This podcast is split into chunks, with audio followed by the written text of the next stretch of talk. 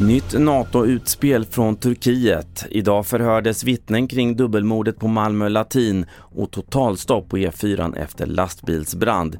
Jag först i TV4 Nyheter om att Sverige inte har levt upp till NATO-avtalet med Turkiet. Ja, det sa landets utrikesminister Mevlut Cavazoglu idag. Det det handlar om är att Sverige inte utvisat de personer Turkiet anser vara terrorister och vill ha utlämnade. Det berättar vår utrikesreporter Bosse Lindvall. Sverige eh, har sagt att vi kan inte utvisa i strid med internationella konventioner och, och lagar som reglerar om folk till exempel har fått asyl i Sverige, om de är medborgare i Sverige så går det ju inte heller att utvisa hur som helst till Turkiet. Idag har rättegången om dubbelmordet på Malmö latinskola fortsatt med vittnesförhör. En av de som vittnade idag var polisen Martin som inte vill uppge sitt efternamn som var med och grep den misstänkte 18-åringen.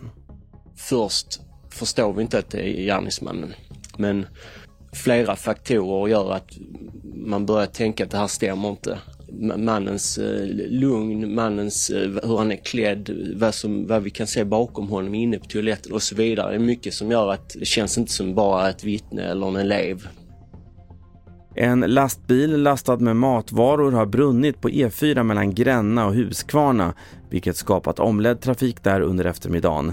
Ingen uppges dock ha skadats i olyckan som krävt en räddningsinsats med 13 enheter.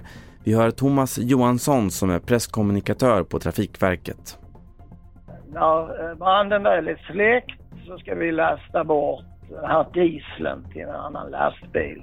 Det är alltså två till tre 100 liter diesel som har runnit ut. Vi har en prognos till ikväll att det ska kunna vara åtgärdat. Och till sist kan vi berätta att USAs president Joe Biden nu har testat negativt för covid-19 vilket gör att han får lämna sin karantän. Det var i torsdags förra veckan som han testade positivt för covid-19.